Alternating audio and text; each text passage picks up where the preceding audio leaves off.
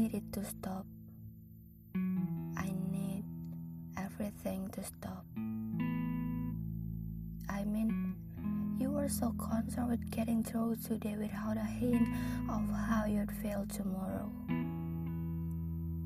And then I realized you don't want to feel tomorrow.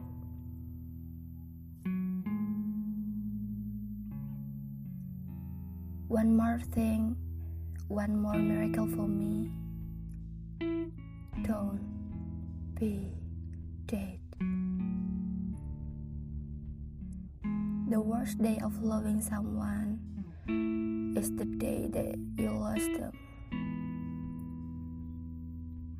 Because in the end, when you lose somebody, every candle, every prayer is not gonna make up.